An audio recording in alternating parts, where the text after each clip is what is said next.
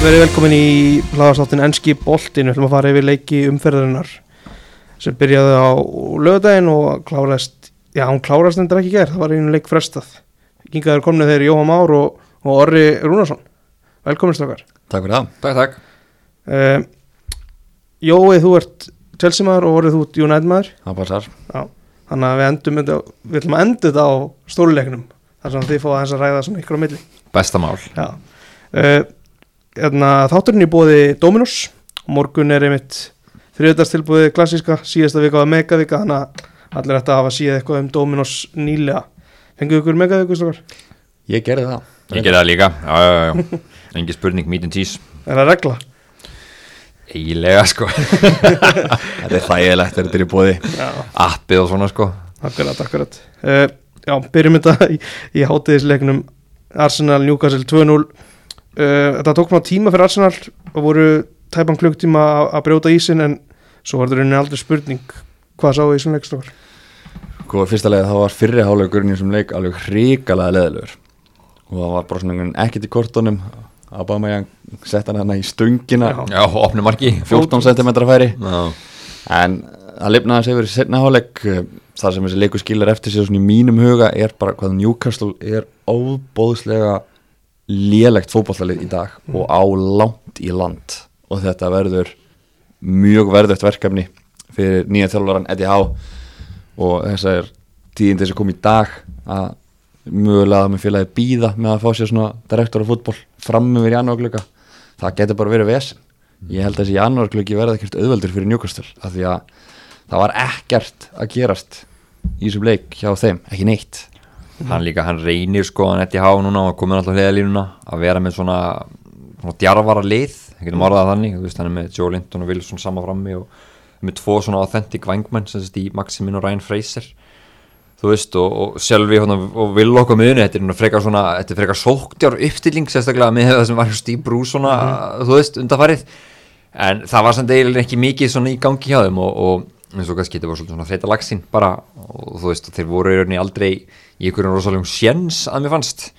Um, auðvitað, þú veist, Arsenal ekkert frábæri sko, en eftir að fyrsta marki kom þá, þú veist, þetta settu aldrei alveg pressin njúkasulega neitt svoleiðis. Þannig að, hérna, tegum við með orra það eru svona, eru ansi margi farþar í þessu liði og vanta kannski þrjá, fjóra alvöru leikmenn hann í þetta til að geta brotið þetta svolítið resilega upp sko og þetta há kannski spila fótboll sem hann vill spila. Uh, og þá sérstaklega í vörninni. Ég hef ekki mikla trú á þessari varnalínu hjá, hjá Núkusúl sko, allt og margi svona mjög slækir leikmenn þar Emil Kraft, hann var nú bara hægt að fengja raut að þessu leik, tók bara eitthvað svona rúbítæklingu, Matt Ritchie í vinstri bakverði, virkar kannski í vingbakka en ekki bakverði, hann er svolítið þungur þar, þetta í vesen í þessu leik. Hann að já. Ég held bara ef við gefum okkur það Nú við stöldrum að þessu njúkastil Ef við gefum okkur það að þetta liði myndi falla Með hópin eins og hann er í dag Hvaða leikmannana eru þið kiftir Af öðrum úrvalstildarliðum Þeir eru ekki margir Maximin, Maximin, hann fengi mú og kannski Wilson, hann er Wilson. ágætis, hann er með ágætis rekord þarna. Mögulega Almiron Ef hann er heil Já. samt svona eiginlega varla með hvernig hann er búin að Nei, vinna hann er búin að vera Já, Lítið nei, nei. spila svo sem hún undanfarið En aðrir ekki. Aðrir eru bara ekki úrvalstildar leikmenn. Nei, þú getur kannski keft Dúbrakko að vera með Já. þess að vara Nákvæmlega, nákvæmlega. En það er góða punktur. En með Arsenal, það var gaman þess að hann er bara að nota Ödegard núna Líka inni og var með svona, þú veist, Ödegard og Smith Rowe og Bugaði Saka alla. Mér finnst það, þú veist, það er eiginlega Mér finnst þetta mest spennandi uppstillingin hjá Hjá hinn Arteta. Og mér finnst það mjög stímur hrifuna í Will Smith Rowe. Mér finnst hann svona eitt, eitt skemmtilegasti leikmaður hann í Arsenal. Uh, Og bara þú veist, þeir eru, þeir eru að vinna leikina sem þeir eiga að vinna. Já, það er svolítið þannig. Það er bara þeir eru bara alltaf að vera í þessu barátunum fjórastið, mm -hmm. það er áhugavert. Maður sá það ekki til að fyrir þarna eftir fyrstu hérna vikurnar í mótinu sko. Nei, Þetta er, ekki, hægt. Þetta er ekki orðið svona gott lið En þetta er orðið betra Og uh, getur orðið mjög góður. Og hann líka núna Arsenal er komið með Möguleika á að hann getur hend inn Ef eitthvað er ekki að virka þá getur hann að hendi leikmunum til að svona krydda upp á þetta. Hann setur inn á í þessu leik uh, Martinelli sem er aftur að komast alltaf að stað sem er gaman að sjá um, laka sett á bekknum Nikolas Pepper ónótaður varamaður. Þannig að hann er með option frammi en Ketja hann er líka hvað ónótaður varamaður held ég í þessu leik. Geran Þannig að- Terni, hann var á bekknum vantalega hann að stígu upp eða ekki? Jú, hann er bara búin að vera á bekknum í síðustu leikin. Já, ok. En ég hef Ég eitthvað svona Já, ég hef eitthvað tröll að trúa á svona miðju hjá Arsenal.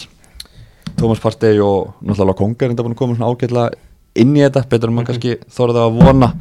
En ef Arsenal ætlar að verða alvöru mistar til að lið þá þurfa þeir samtalið betri leikmenn. Já, ég held að sé að býða bara eftir að fá tæk, raunin að Tavares spili alvöru ítla sko, Já, já, þess já, að hann átti fínasta leik Tavares já, já. en það var stórt atriði þegar hann fer í Callum Wilson. Já, inn í vínin á vítategnum, var það vítaspinna? Já, Þetta er svona, hefði verið dæmt víti var hefði ekki snúið í við held ég Já, þetta var svona ákvörðun dómarans hvernig sem það var. Það hefði ekki verið obvious mistake á meginn sem það fór. En maður er oft sér flöta fínt á þetta. Já, Mhm. 100% og það hefði eins og segi, ég held að var hefði ekki snúið í við. En ég held að var var heldur ekki að fara inn til vína og, og segja þetta hefði verið víti Bæði mörkjum voru flott hjá Arsenal. Veist, flott spil þegar að Saka skor og virkilega verið klára hjá Martinelli. Mjög flott afgærslan hjá Martinelli og eins og segir flott samspilið í markinu á Saka. Þar endar, það var rosalega auðvelt hjá þeim að spila sér gegnum vörnina. Aha, og ég manum ekki hver það var hvort það var fyrirliðin hjá, hjá Njögustölu sem Lascelles. Lascelles sem spilaði alla réttstæða hana Jú, jú, í svontinni en Já, Ég segi, það vantar, hann þarf að taka nokkrar aukaæfingar held ég að ég hafa næstinni en gaman að sjá Martinelli og slútið sérstaklega. En þess að þetta var gæði sem sko tveimur árum eiginlega kom svona einhvern veginn mest frá með svona sviði svo hann týndist hann einhvern veginn en til meðslum já, en að, þú veist, þetta er leikmaður þú veist, hann er líka, hann er eld, eldflögt fljótur og það er oft svolítið svona gaman að svona raketum hana, svona já, Akkurat. hann er alveg þannig sko. Það var svona Van Persie ágræsla hjá honum. Já, fast. Virkilega vel tekið. Uh, Næsta leikur Steven Gerrard, hann byrja vel. Tveir sérar heldur betur, komið svolítið óvart að hérna hann skulle vinna þennan leik. Og hann er líka djarfur, hann er að hristu upp í þessu. Hann er hérna, þú veist, hann setur bara búin díja út úr liðinu sem spilaði fyrsta leikin hjá hann og var slagur uh, sem er svona kannski leikmaðurinn sem átti að, að taka við svona hvað mest af Jack Grealish svona, hvað sé ég, pund fyrir pund líkindi fyrir líkindi sko. Já, en hann bara hérna, setur Asli Young í byrjunarlið og, og, og hérna bara, þú veist, þeir vinna, komast þarna í, í 2-0 og, og bara ótrúlega flottu sigur, en þess að Palas hafi verið flottir heima. Og hérna ég bara, já, hann bara er að byrja þrjusu vel. Já, hvað Asli Jung tvö assist í, í tveimur leikjum á Gerrard hann fer að fara að byrja núna eins og við segir að því hann, þú veist að, ég veit ekki hvort það var að því hann lagði upp markið í síðastleik já, hann gerði það sko, hann kom inn Já, og og fyrstu mystikun hjá Gerard var náttúrulega að hann byrjaði því að henda Jónk og Bekkin það er rétt. En En þetta var flottu sigur hjá þeim og eins og segja, þess að Palas hafa verið líka bara skemmtilegt lið og, og maður svona sá einhvern veginn að þeir getu, þú veist, bara unnið þennan leik, ég held að við spáðum að þannig, en, en bara þú segir, þegar hann byrjar heldur vel, sko. ég vona samt að þetta verði ekki til þess svona tapum á Darstafilla verði ekki til þess að Krista Pallas var eitthvað að fatast flugi því óbúslega gaman af þessu Mhm. Þeir spila skemmtilega fólk spila skemmtilega fótbolta og það voru þvílíkar martraðar spár sem þetta lið fekk fyrir tímabilið það voru bara nánast ekki með leikmannhóp en þessi strákar sem verið komið inn eru bara þrjusu öflugur og svona gaman að horfa á liðið Og Gerir- þeir voru já. betri í leiknum svona heilt yfir líka, Já. alveg þannig, þeir voru, sem sagt, veist, þeir voru miklu meira um boltan og svona lágu svolítið á þeim, flikkur fyrir hotn og eða fyrir Martinu líka, þannig að, hérna, ég, þú veist, en ég meina, eins og segi, það snýst um að klára færin. en ef ég væri sko Aston Villa stöðnismæður þeir eru nú nokkri, þá væri ég enn að býða eftir samt að sjá þess að þrjá leikmenn sem komið fyrir gríli spila dálítið saman Ings, Búindía og Leon Bailey þeir hafa, ég man ekki tölfræðin hver hann var, þetta eru bara einhverjar örfára mínútur sem þeir þrýr hafa verið saman inn á Já, já, þeir hafa ekkert verið saman. og hvort það er hendu hvort öðrum hnýtla, ég veit það ekki en alltaf miðslu annað hafa líka spilað inn í en ég held að ef hann nær þessum þremur af stað þá er þetta orðið virkilega gott lið fram á við. Hann hendur náttúrulega Votkins bara fram í þessum leik sem hefur verið að spila svolítið á vangnum og Danny Ings er bara ónótað að vara maður ég veit ekki hvort það sé eitthvað meira þar á baki en mm -hmm. maður haldi að hann verið alltaf fengið mínútur sko, sem, sem sender en, og sama með hérna þessi tala um búin dí á hann fær bara 5 mínútur. Þannig að þessi tveir eru svona allavega aðeins út úr myndinni núna. En hérna, en ég sammála svona orra maður er allavega sérstaklega búin dí hann frábæri fyrra og maður sér alveg að það er bolt í þeim gæja og Leon Bailey er svona raketta líka sko. Og svo er alltaf náttúrulega verið mörg í Já, já. deild sko. algjörlega. Hann getur alveg verið 15 marka maður. Algjörlega. 100% það er, svona, er ein skipting sem að vakti meira aðtekli hjá mér í rauninni heldur en allar hinnar er að Vilfrid Saha er tekin út af. Já, og hann labbaði líka svona alveg mjög sáttur fram hjá Patrik Vera og ánæði með þetta allt bara já, já, Já. mitt ég held að Hodgson hafa tók hann einhver tímann sagði út af ég held að bara nánast ekki sko.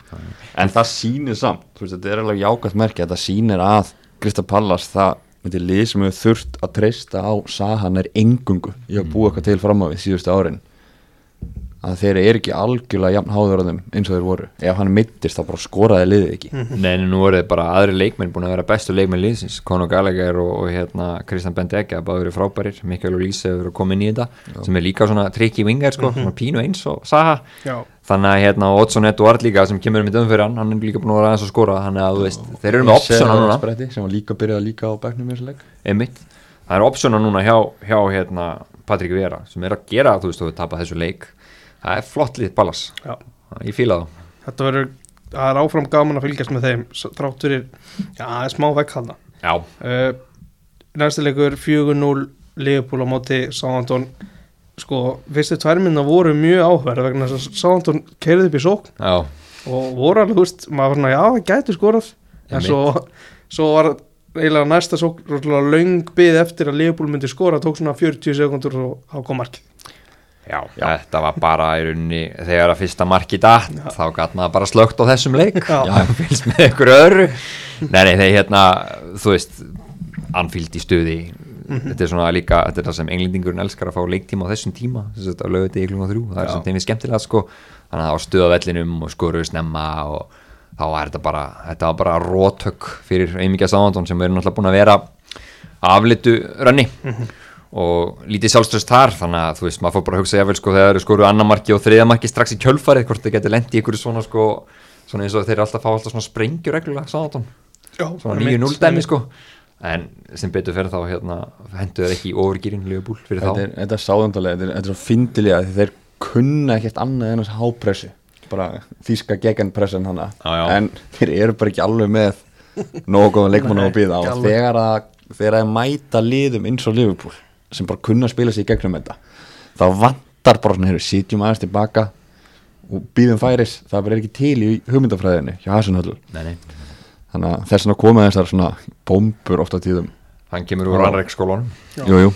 Já, en þetta hefði, hefði verið gaman hefði Emil Sáðarsson skorað úr þannig fyrstu sókninni. Mhm. Það er mitt kryddaleikinu helling það er kryddaleggin helling sko en en fór náttúrulega mark bara í andlitið og þá er þetta búið. Já, flott jók Diego Jota. Akkurat hann er að Setta bara, hann er að svona svona hérna alltaf þegar hann spilar þá einhvern veginn að færa rönn þá deliverar hann. Mhm. hann alltaf og þú veist hann er að alvarlegur höfverkur sem klopp er að fá þú veist þegar Já. hann fyrir mínu ára heil sko að hann er ekkert sko hann er reynilega bara ekki sýri leikmaður. Nei. En það, byrjaði mótið þannig að fyrir mínu var að koma svolítið af bekknum. Já, er nú máli og í rauninni, maður fjakk svona tilfinninguna að klopp væri þetta að býða eftir að sjóta með dega einn dabran leik til að geta byrjað fyrir minni, Árni svona vildi það alltaf hann var alltaf að taka sjóta út af á svona 60. mínútu og já, já, henda fyrir minni að vinna en, en frábært fyrir Leopold að hafa þessa fjóra núna í þessum þreymur stöðum. Mhm. Það er Það er allir, það er einni viðbót með að við svona það hefur verið já, og var. Uh, Tiago er líka komin á ég allavega að byrja að skora það er eitthvað. Og bara svona aðeins var hann að minna á sig. Það er nú hérna mann var nú eiginlega bara margir hverju búin að afskrifa hann sem bara hálfki vombriði Mhm. vegna þess að hann byrjaði tíðanbleik sérstaklega og var bara einhvern veginn mjög flatur en þetta er náttúrulega, þú veist, maður gleymið átt sko, þetta var þetta var valin besti miðjum að meistaröldunar þegar bæinn vann titilinn og það sumar fór hann svo til Akkurat. þannig að þetta er sko, þetta er einn á sínum degið besti miðjum í heimi Mhm. og hann hefur bara ekki fundið taktinn á það Liverpool þeir eru að fá hann í gang þá er það bara eins og í rauninni sko þetta er bara svo ný, bara, þetta er bara svo ný, ný leikmaður. Bara líka neikvæm leikmaður sko. þannig að ekki- hann gati ekkert í fyrra. Nei, var ekki, þú veist, var ekki Savi sem að vildi fá hann aftur til Barcelona? Jú, skil það bara vel. Hann var alltaf hann var gerður á svona einhverjum hálfgerðum blóra böglið hann í, í fyrra að Liverpool samfélaginu, náttúrulega þræl eðlilegir allir saman þar. Já, en veist, hann var náttúrulega, þetta var fyrsta tímabilið hans í enska boltanum, hann var að spila nánast með bara einhverjum strákum sem voru pikkaður upp á göttunum þannig í kring út af meðslum í og varnalínu, já, Mhm. Williams og Co já, og svo náttúrulega voru miðjan færið í hafsendastöðunar þegar Fabinho var komin í hafsendinn og svona þannig að hann var ekki með sterkustu menn með sér á miðjunni en ef, ef hann fyrir í gang þau eru konum með sjóta á miljón þá er þetta ógnvænlega stertlið Mhm. Einmitt.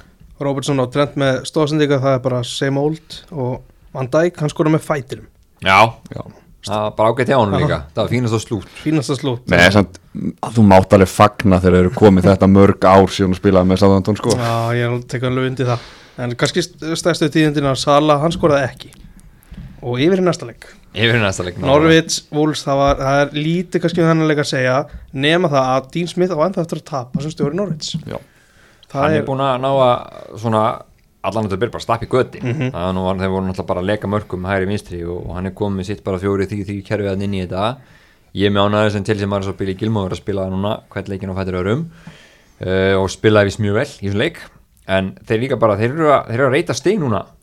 Sjö stig í sér tremur Já, og það er náttúrulega bara bara bísna vel gert, menn þess að maður sá ekkert að þetta lið myndi vinna marga leiki og sérstaklega ekki með Hanley og Gibson í hafisundunum en þetta er bara bísna vel gert sko. það er alveg hræðileg tíðindi fyrir Núkasl já, Það er Norveit sem byrja að heyra það stiga einhverjum öðrum liðum. Það er ekki gott fyrir njúkastöðal en þeir eru enn sko, þeir eru þremur stöðum frá öryggu sæti Já. já, já. og eru með verstu markatöluna Já, þannig að þeir eru nú ennþá langt í land jú, og jú. Og bara versta hópin sem sagt Norveits, ég, mér finnst það allavega persónulega, þetta er svona, þetta er rosalegur championship hópur. Já. og, og hérna, sama spurning og þessum áðan, um hvað leikmenn myndur pikkaðin upp, þeir eru ekki margir í Norveitsliðinu hann að hérna Ef einhver. Já, kannski, kannski. Max Arons. Já, Ég held að það var líka umræðan síðast og hann var ekki pikkar upp. Þeir nei, einmitt. stuðningsmenn Norvit sem ætla að fara út á leik næsta tímabil, þeir eru frekar held ég að horfa á hótel í, í Blackpool heldur en Já, heldur að London sko því að mjög grunar þetta að verið championship deildin hjá þeim að næsta ári.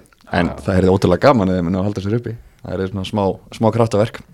Algjörlega það er, þú veist, Wools ég bjósti sig í Wools en samt bjósti við leðluleik þannig að þetta var svona 0-0 eða 0-1 með svo Wools, ég er alltaf jafn hissa þegar ég skoða töfluna hvað þeir eru óvala því að mér finnst þeir alltaf verið einhvern veginn að mistiða sig þeir eru búin að sa- safna 20 þeir eru bara duglega að samla stigum. Já, tóku þrjá í já, og hérna eru, hann, er, hann veit alveg hvað hann er að gera þjálfari þeirra.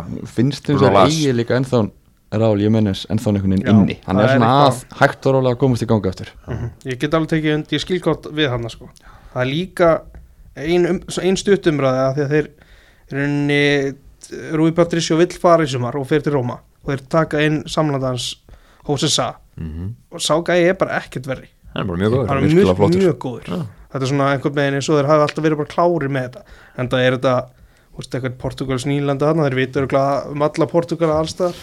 Jú, jú, svo er náttúrulega hann Adam Atraor er náttúrulega bara einn bekkjamætur hann hann kom inn á hvað sínum með 68 og bara þú veist, er einhvern veginn fóði hann áttið þarna ofur hetju mánuðina síðana, þá er hann bara eiginlega verið fólki ámbriðið síðan.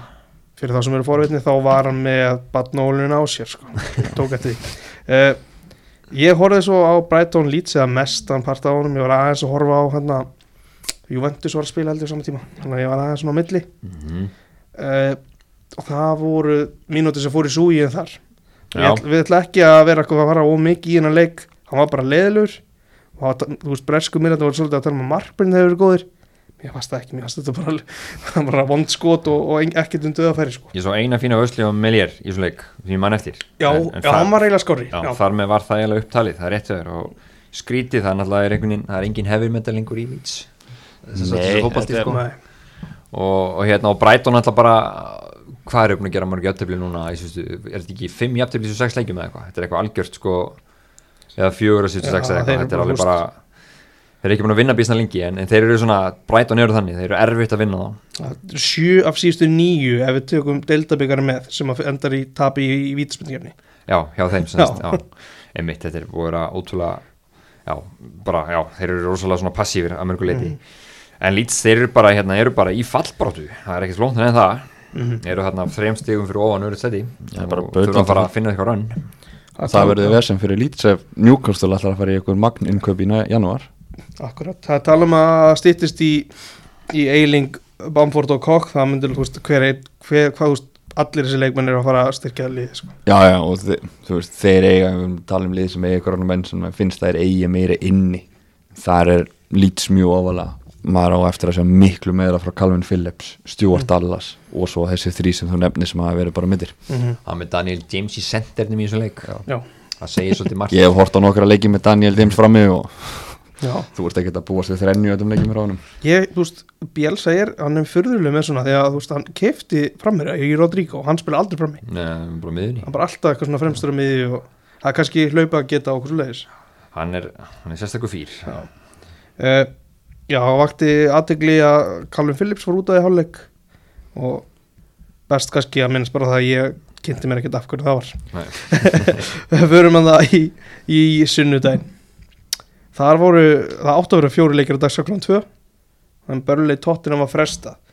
Það, þú veist, var eitthvað mikið meiri snjókoma þar heldur en í, í Lestur og í Manchester eða? Sko, ég sá svipmyndir fyrir leik og þeir bara einfallega höfðu ekki undan vallarstarfsmenn Mm. að móka snjó af vellinum. Þegar þeir voru búin að fara með sköfuna einu sinni sko þvert yfir völlin það var bara búið að snjóa í förin aftur og það hefði kannski verið hægt að spila leikin en held bara standartinn hjá úrvastildinni sér bara Já, orðin já. þannig að maður sánu að þetta var orðin hálfgerður fýblagangur þannig að á Etihad vellinum um tíma var það ekki fyrir áleik Lok fyrri hálfleiks. fyrir sko. Þetta var orðið bara hálf vonlust einhvern veginn og, og menn voru bara að renna og í vandræðum.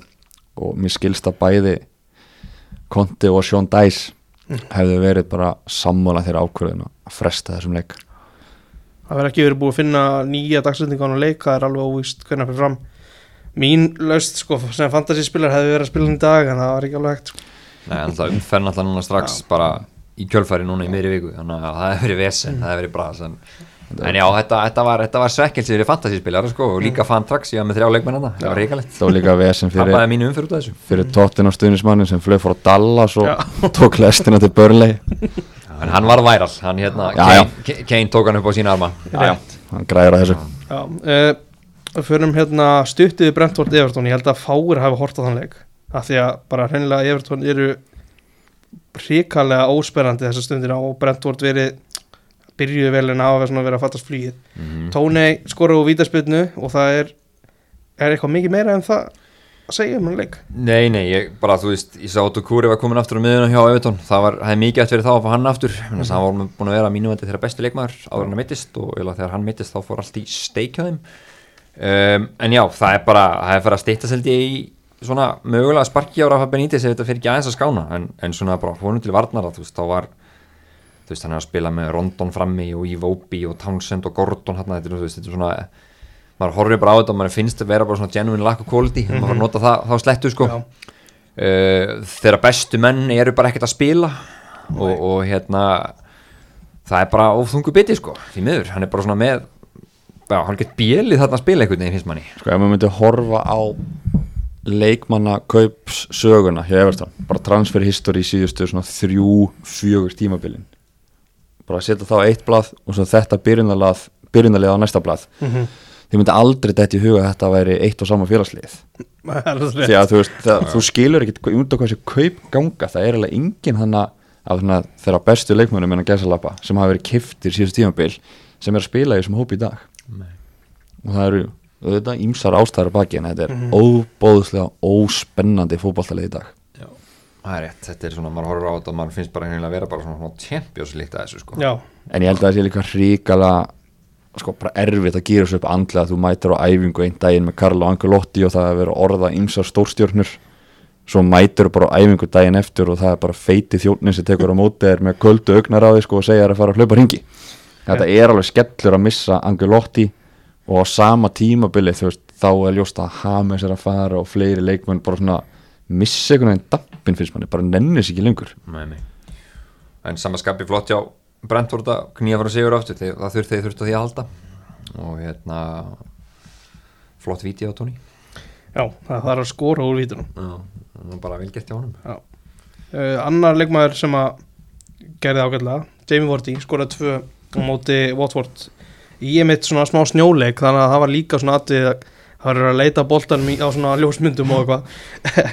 Þetta var, Jamie Vardy var búin að vera já því ég byrjaði þar, hann er hérna búin að vera að hafa hægt um sig sko málað þannig, undarfernu, en hann vaknaði hann og síndi úr hverju hann býr ásamt James Mattisson Já, þeir svona voru með þetta já.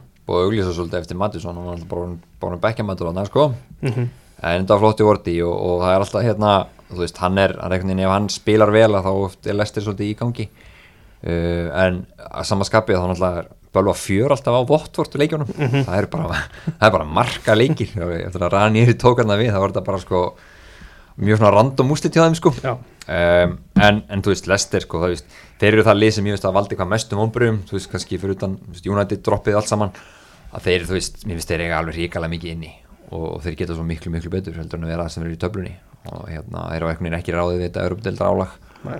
og uh, já, þú veist, þeir fara í gang og sérstaklega Tími Vorti og, og Mattisson líka Lúkmann, það er heldur skemmtilega ná ekki Mhm. það er svona gauð sem er svona spínu Adamantur orri. Þeir eru sko Lester, þeir eru svo óbúslega háðir því sérstaklega í eigi góðan dag. Að hann hann að byrja tímabilið að krafti og raðar inn mörgum og er bara mjög öflugur svo komað hann að, minni hvað sagði, margir leikir í röð sem hann sko hvorki skoran í gefur stóðsettingu og þá getur þetta leið bara ekki neitt.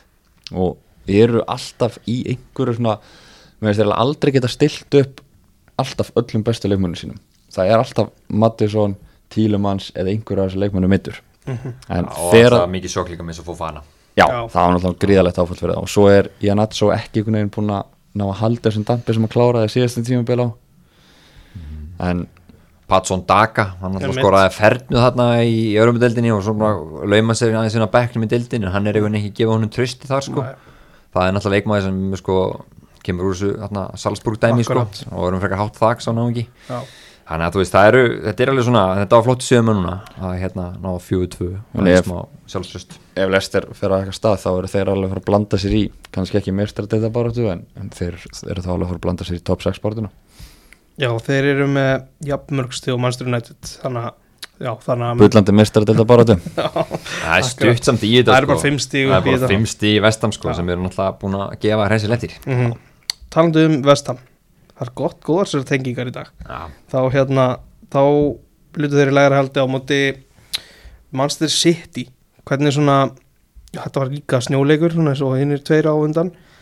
Uh, hvernig hérna er það með þessu úslit 2-1 og City var samt alveg með talsvert talsvert yfirbyrjun sem búið móti við kannski. Miklu betri sitt bara miklu betri. Og þeir eru svona einhvern veginn með hana með hana svona leiknum flöyt áfram. Að hertuður einhvern veginn skrúðunar sko alltaf meira og meira.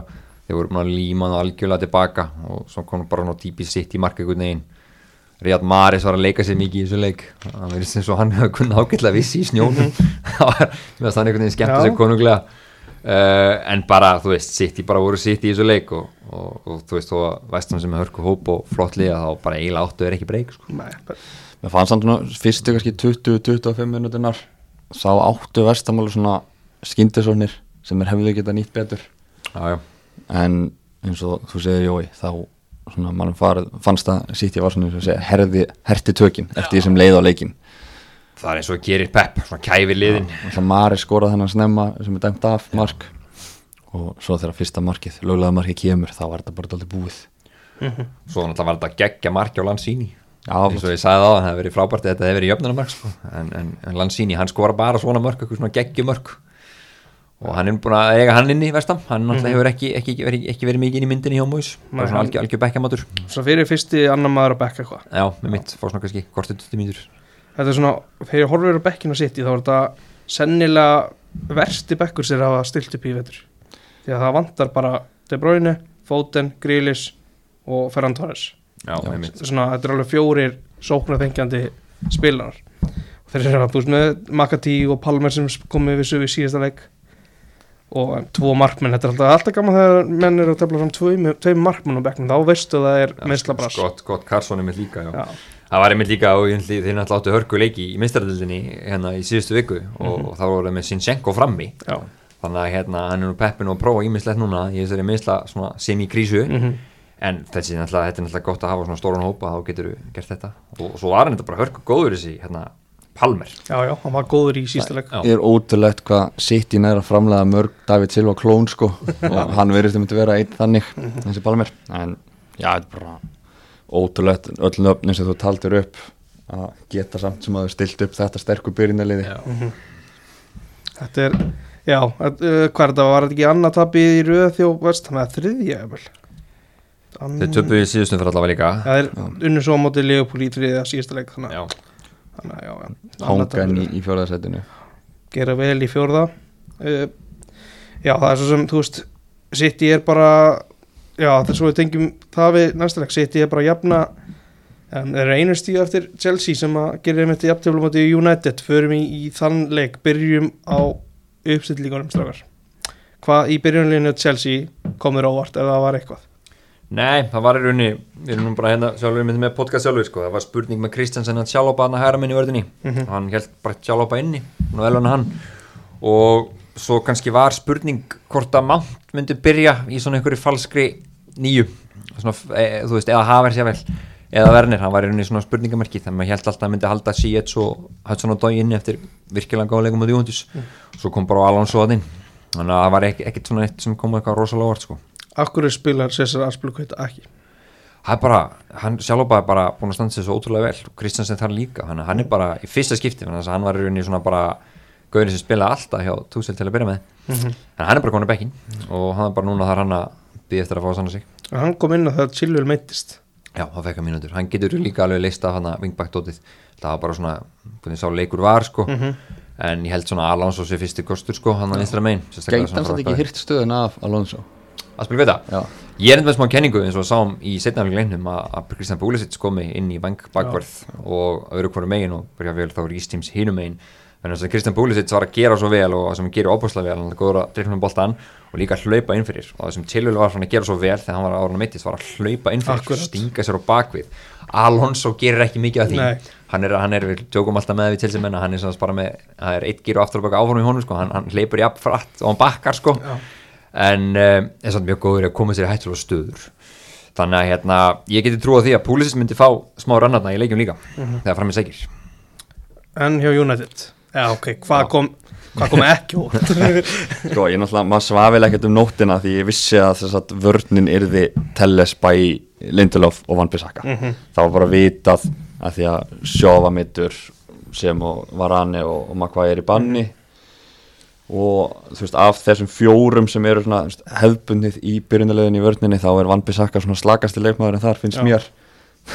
Ég var ekkert fullur bjart sinni og ég var ekkert meira bjart sín þegar að ég sá hverjir myndi vera á miðjunni.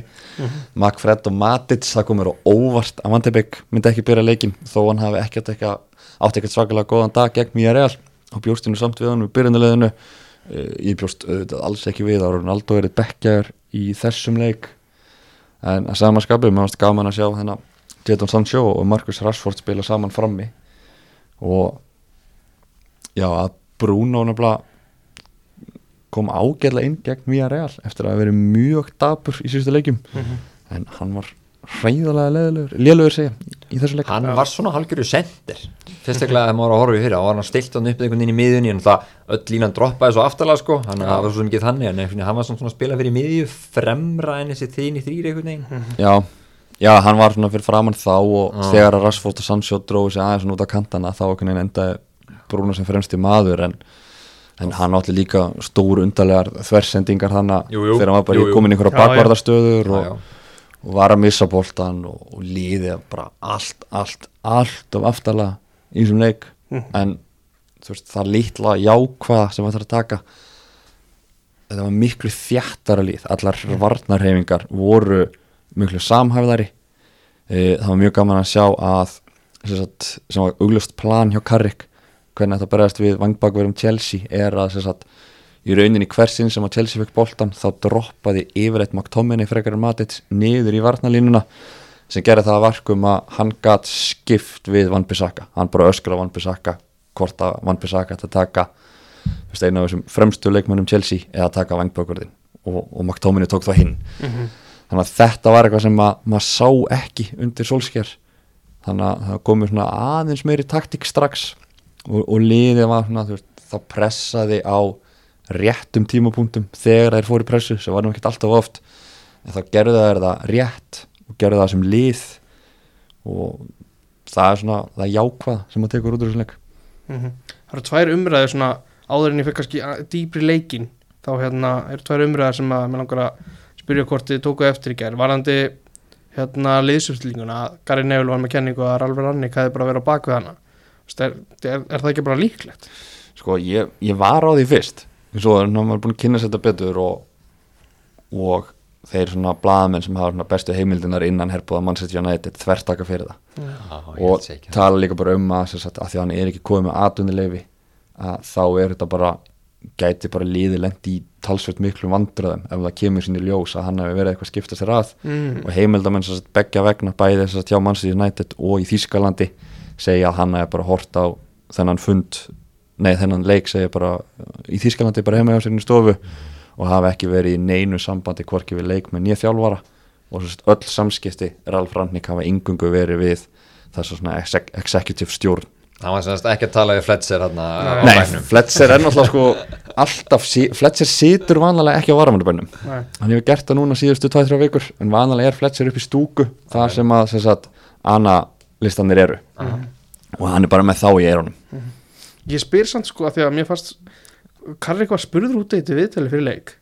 Og hann tókst einhvern veginn ekki að neyta þessu eða segja já. Og veistu, þess vegna var ég bara að gæta alveg verið bara afvegalega umræðina bara með að tala um eitthvað annað. En hvort að, hvort að Karrek sé sjálfur bara undirbúa liðið Já, fyrir já. komu Ragnik ég get aldrei að það sé staðan. Mm. hann veit alveg hvað er að fara að taka við.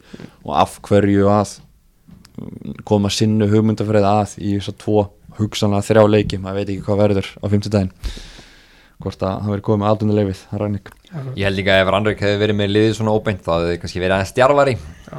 og ég hef ekki endilega sé að hann henda þessum þreymur djúpum hann inn. Ég hef séðan freka henda Donny Van de Beek innan líka svona aftur mig það sem maður er búin að lesa um, um hann núna sem er nú ansi marga greinar sem hafa byrst hér og þar.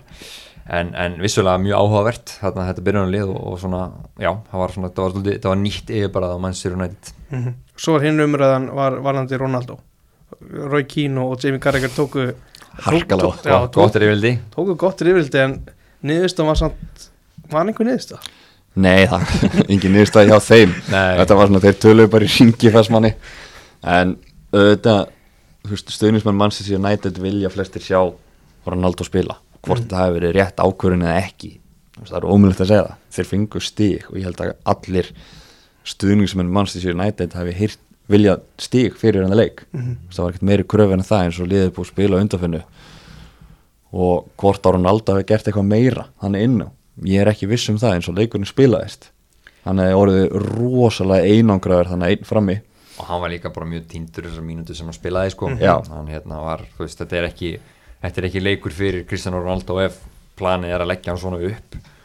Og, er- og þannig að kannski eins og þú segir sko að ef þú ert að fara að spila þennan fótbolta sem er svona pínu svona sufferball sko það sem er bara í rauninni að því það sem United gerðu að þú segir Chelsea er búin að spila marga svona auðvelda anstæðinga leiki núna mótið mm -hmm. Og Burnley og svona skiluru þetta var svolítið copy-paste af Burnley Já. þessi, leikur og eins förðulega það kannar hljóma og, og hérna því Manchester United svo sannarlega ekki Nei, að þá þú veist hvað þið voru í rauninni bara passífir gáfu eftir pláss á vellinum leifðu Chelsea að koma og svona bara, já hendu ekki mönnum fram, þetta var rauninni svipað við bara hvað Bruno eða Sancho og hvað voru rauninni fremstu menn hvað þeir fóru aftalega sem gerða verkum að Rúdiger og, og Tjálaba gáttu bara komið upp inn á síðasta þriðjung Manchester United. Já. þú veist, og ég segi, ég er búin að horfa á alla tísilíkin í vetur og maður sér þetta bara á móti þessum allra svona liðin sem eru bara að fara að múra fyrir marki sko.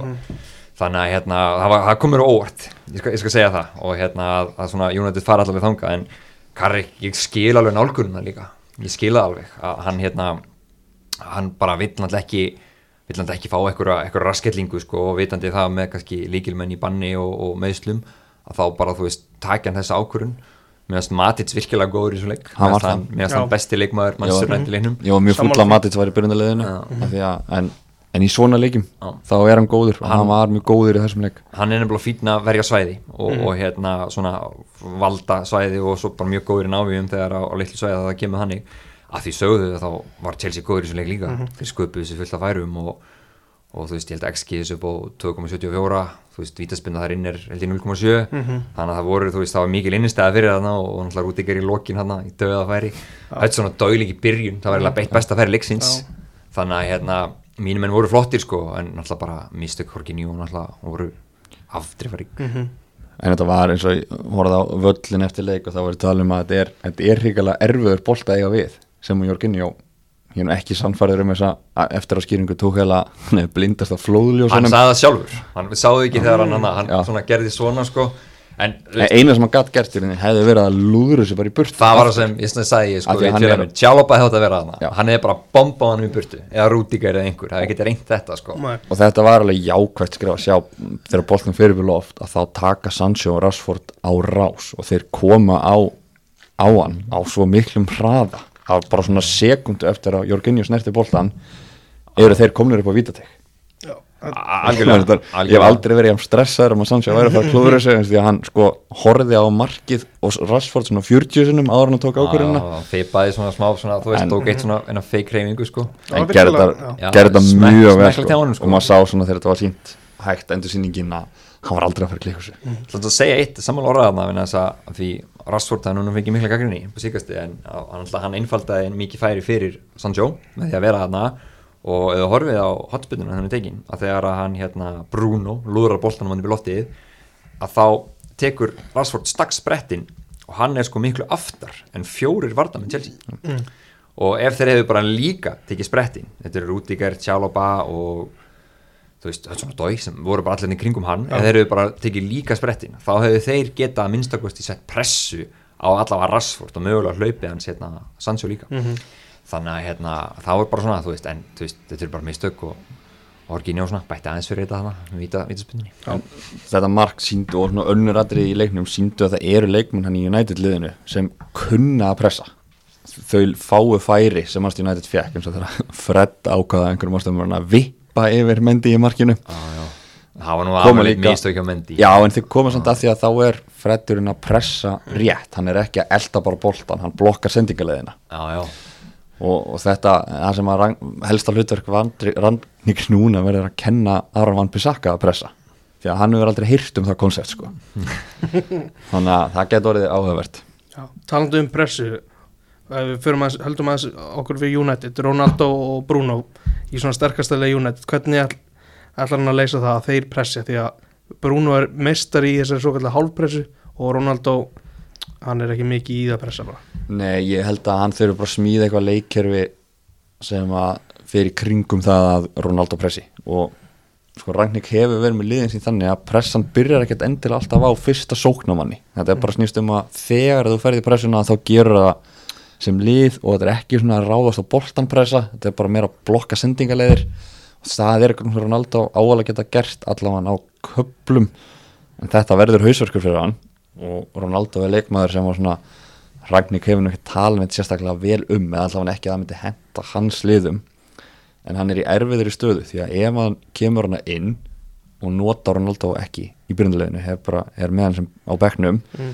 þá held ég að hann muni glata sko áhörundum mjög fljótt um leið og liði fyrir að mistakast. Já, hann getur ekki, hann getur ekki bank bekkja Ronaldo all, alla leiki sko, Nei. það er sérlega bókamál en, en ég bara til að segja, taka upp með punkti eins og hún sagði Rúri, að þessi bestu þjálfarar og ég held að Rangnick sé svona prestu þjálfari að þeir eru, raunni, þeir eru ekki í einhverju svona stanslösi pressu, þetta eru raunni gildur sem þeir setja upp sem þá að þeir raunni þeir láta boltan viljandi fara í einhver átt á vellinum Já. og þá fara þær í pressu. Og það er ekkert endalega upp á fyrst fremsta mann, það verður bara staðsetning sko. Og þú veist, Cristiano Ronaldo hefur spilað í liðin sem pressa mjög vel og, og hérna, gert það bara ágætlega en þú þarf bara að vera með svona það sem kannski var aldrei undir Sol- Solskjær svona, ég er að finna kannski einslengur svona cohen- cohened pressure, það sem er rauninni sko allir eru samtaka Já, í rauninni að búa til gildruna og fara saman í pressuna. Ekki í rauninni bara einhvern veginn svona, svona random eins og mjög vel dokumentræði leiknum móti Liverpool. Mhm. það sem þau voru einhvern veginn bara einn gerði þá ekki hinir og það var þetta bara djók. En ef þú ert með þjálfara sem býr til svona samhæða pressu þess að leikmenn fara saman upp í pressuna búið til gildur, láta boltan fara ákveðin stað á vallarheimningum og fara, fara þá í rauninni ákveðin hlaupáttir Kristján Rónald getur alveg gert það og þessi bestu pressuþjálfari í heimi. Eitt skemmtilegasta fótballtilið sem við séu síðustu tíu árum með Napoli-lið undir stjórn Mauricio Sarri. Já. Gonzalo Higuaín var frammi í til liði. Já, það er, gæi er sem, sko, gæi sem bara sko kann ekki að hlaupa Nei. Mhm. neitt sérstaklega hratt en hann kann að reyfa sig í réttar áttir. Já.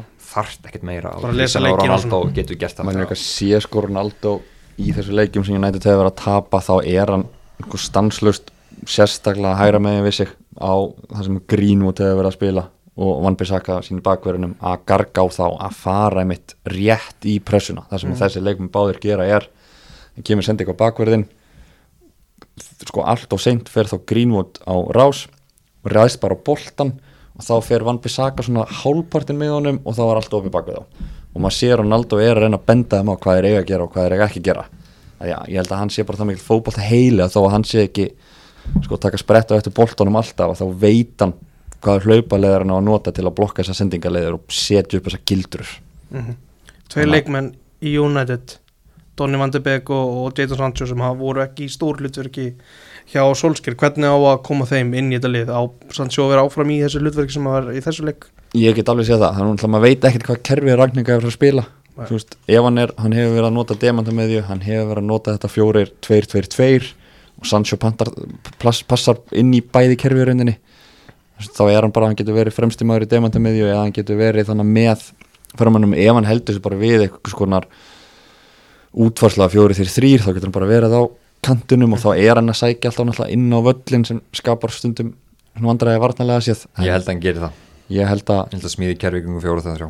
Það hendar sem hóp best það, það hendur hópinu langt best og þá þarf hann bara að finna út sérstætt varnarlega sem hefur verið gæst er að miðjumennir, McTominay og Fred hafa þurft að covera alltaf stórt svæði að því að mitt Sancho og Rashford eða Greenwood og, og Rashford eða hver sem er á kuntunum hefur ekki verið að vinna tilbaka varnarlega.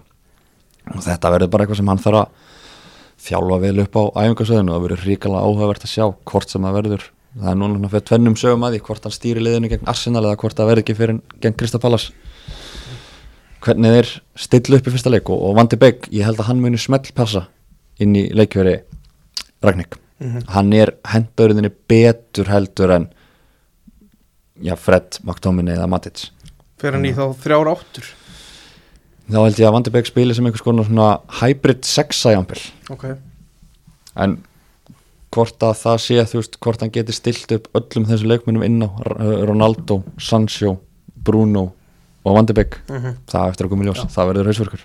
En allavega Vandi Begg mun fá stærri rullu og hann hefur unni bara já, november, nei hérna desembermánuð til að sennfara hann um að vera áfram ef hann vil halda honum Mm. þannig að hann þarf þá að nota hann þessan, þennan mánuð þegar hann nóga leikjum rétt Jói, það er eitt leikmaður í Chelsea sem er langar að byrja að sjá Hvenar verður þólum hann að þrótum með Timo Werner Tímó?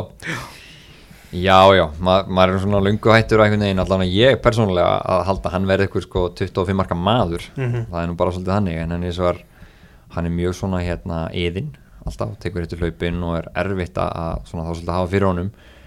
Ég var ekki sérstaklega sáttu við að sjá hann í byrjunlíðinsleik þá þér að segja, ég hefði viljað hafa Mount frá byrjun eða bara Púlisitt eins og Monti Jóndus uh, Lukaku er að fara að koma að inn Já, já, og núna er, núna er bara, þú veist, Hakim Ziyech er búin að vera frábær með að hann góður í þessu leikum þú líka er líka, hann var, þeir áttu miklu basli með hann, uh, Mount er alltaf með eins og Mount og hann er núna búin að bæta aftur á sig þessum kílóum sem hann misti í þessum tannaðgerum sínum, og það komum um þrjá endagasla, þetta var eitthvað algjört bull. Að þá er hann komin aftur í liðið og svo ertu með Kai Havertz og þú veist, ég held og hef bara sagt það áður að ég er svolítið hættur um að Tímo Werner muni bara svolítið verða undir í báratunum sæti. Núna ef Pulisic, Sijek, Mount og Havertz þetta allir að fara að spila þokkalega þetta er svona tói líka sem er nú að byrja núna sjöleiki röð hjá Chelsea. Og Lukaku koma tilbaka það er bara eitt sem Tuchel hefur, hann hefur opbóslega mikið valmöguleika og þú verður bara að gera svo vel og, og nýta færið þín. Og Werner fekk tvö færi í þessu leik og hann var bara rosalega góð blokk þetta, hvort það var Vampi Saka að bæ, ég man það ekki. Vambisaka. Vampi Saka uh, þú veist, það var bara, þar var hann bara opinn en svona líka bara stundum, þú veist, stundum svolítið rár og linur stundum þegar hann þarf að fara að vera harðari og þetta allt saman, maður er svona kannski aðeins farin að hérna, missa örlegt að trú á honum þannig lagað, en svo á hann líka hörku góða leikinu milli það sem hann er að skapa rosa mikið usla. Það hendur honum finnst mér ekki reynd sérstaklega vel og ég held að það kom bara Tómas Tuchel líka svolítið óvart hversu aftalega þið lágu United. Mhm. vegna þess að- að Werner er alltaf bestur þegar að þessi liðin þóru aðeins að stígu upp þegar hann er með pláss. Þannig að hérna, það kannski kom svolítið óvart.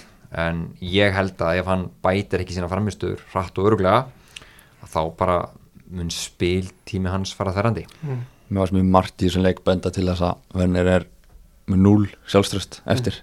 Það var hann eitt færi þegar hann átti hann að skoti eftir honnið Já, alveg rétt. Það voru alveg bara 99% allra framherri í deildinni þeir bara hamraðan með Vinstri. já, vinstri segja. En hann einhvern veginn fór að reyna að snúa upp á líkamann til að geta tekið hann á hægri og þá þurfti hann að taka ykkur á vangin og klippu sem hann var aldrei að fara að ná sko. Skaut náttúrulega þráð beint Já. þá, með, í þeirri skotlínu sko. en það er góð punktur, það var færi mitt sem hann, hitt færi sem hann fekk og sko það voru líka aðrið þessi leik sem aðri framherrar hefðu sko bara verið mættir inn á marktegin. Það var mjög oft þegar að sko Chelsea var að fara upp kantana sérstaklega Rhys James að hann var hann að draga sig út þú veist í að fá cutback sendingunum tilbaka sem er bara þú veist Rhys James negli boltanum bara fyrir markið. Og verðinu var einhvern veginn aldrei fannst manni mættur bara til að taka þessu auðvöldu mörk, bara tappin mörkin Já, eins og Lukaku er svo góður í. Bara eftir að Lukaku kom inn á og fekk nú ekki marga mínútur Nei. en, en hérna, hann ætlar að koma tilbaka til meðsli að bara þá planta þessi miklu meira centralt sem gerði það að verkum að, þá þurfti unni varnamjónið þetta að vera meira þar. Og þá er unni sáu við strax að það fekk Pulisic og Mount sem þá voru komin inn í leiki meira plástölu hlaupum boltan sem gerði það að verkum að það væri svona alltaf tensa þessar síðustu mínútur. Og þá fannst mér unni meðast, já, meðast leikur Chelsea vera svona beittari beittari þá en hann hefði verið. Þannig að hérna en eins og segi bara alltaf svo spurningunni þá já, ég held að tímaverðin er muni eiga í basli með að fá mínútur með bara hvað þessu margir aðri leikmenn sem eru svona þokkalega stíg upp. Byrja Lukaku næsta leik? Það er orðan með það já, Já. hann muni taka leikinn mot Votvort og hérna hann muni vera hann og Mont og, og mjögulega Pulisic sem muni byrja. En hann hefur nú einhvern eitthvað verið stórkastlegur þegar hann hefur spilað. Romelu, já, hann tók hann að smá hérna, hann tók hann að smá kvöldakast hérna, þegar Chelsea fór í gegnum erfitt leikaprógram hann á mútið City og Juve töpin og svo var að koma þarna þegar hítum voru að koma og hann fiskaði vítum undir Malmö og ég held sko ef hann hefði fengið að spila Malmö, Norvits, Malmö leikina þá er með fleiri mörg sko og, og líka hann leikinn með Newcastle og svona, hann hefði skorað þar sko. En, en hérna, en bara þú veist hann er það góðu leikmaður og, og hérna ég hef ekki miklar áhyggjur af Lukaku. Nei. Hann hefur áhugur af Chilwell að hann sé frá þú veist, þessi sex vikur er að fara að leysa þetta eins og vel, að, eins og, vel og með Chilwell í liðinu? Potið ekki en hérna sko við það var bara komið svo mikil dýnamík í innan leikstíl hjá Chelsea, þeir voru farin að fara leika svo mikið inn á miðjunu og uppspilinu, það voru ótrúlega flott bara leikunum til Ester, það var besta leikur sem Chelsea spila bara mjög, mjög, mjög lengi. Og Chilwell var frábærið þeim leik eins og Rhys James. Um, hérna, og ég vona alltaf bara að þeir eru bara sex af Chilwell sko, mm -hmm. þetta verði ekki hann verði ekki að fara í aðgerð, þá er tímabili búið sem er alltaf hræðilegt. En hérna en ég, af því sko, og þú veist, þó Alonso sé fín og hann mun leysast að hlutverka ágætlega en, en svona, ég hef lúmska grunni það að við sjáum einhvern óvandan pop-up annarkvort Hudson og Dói eða Pulisic í vangbakarstöðunni og þannig farið þá einhverju reyfingar á þessu. Já. Og ég kemur ekki á vort kemur ekki á vort Erum við að fara að vinna Arsenal? Já, er þetta ekki heimalegur? Já. jú, hörku leikur. Já, Þetta eru tvö lið sem eru svona Arsenal þeir þurfa svolítið að stíga upp núna og vinna lið sem eru svona í barátum við, við þá sko, ekki mikið verið í því. Sko hafandi hort á Arsenal Newcastle þá sem er þetta Arsenalið ekki vera ná mistaröldar kaliber og mér finnst Manchester United svo sem ekki vera það heldur í augnablikinu en það er bara betri leikmannahópur, það er betra lið og ég tala nú ekki um ef rangning nær nokkurum nokkurum klukkutímum á æfingasvæðinu þá vegum líka harma að hefna gegn Arsenal á heimavelli. Þeir unn okkur að síðast held ég 1-0 Já, en það verður nú ekki margir klukkutímar hann er bara, er það ekki bara, er miðvikudaginn eða? 50 daginn Jú, en á þeir- fimmtudaginn, á fimmtudaginn, ok, ok, þá getur hann fikið tóta ef hann þeir eru aðtunum með þeir geta bara eftir tvið svara dag.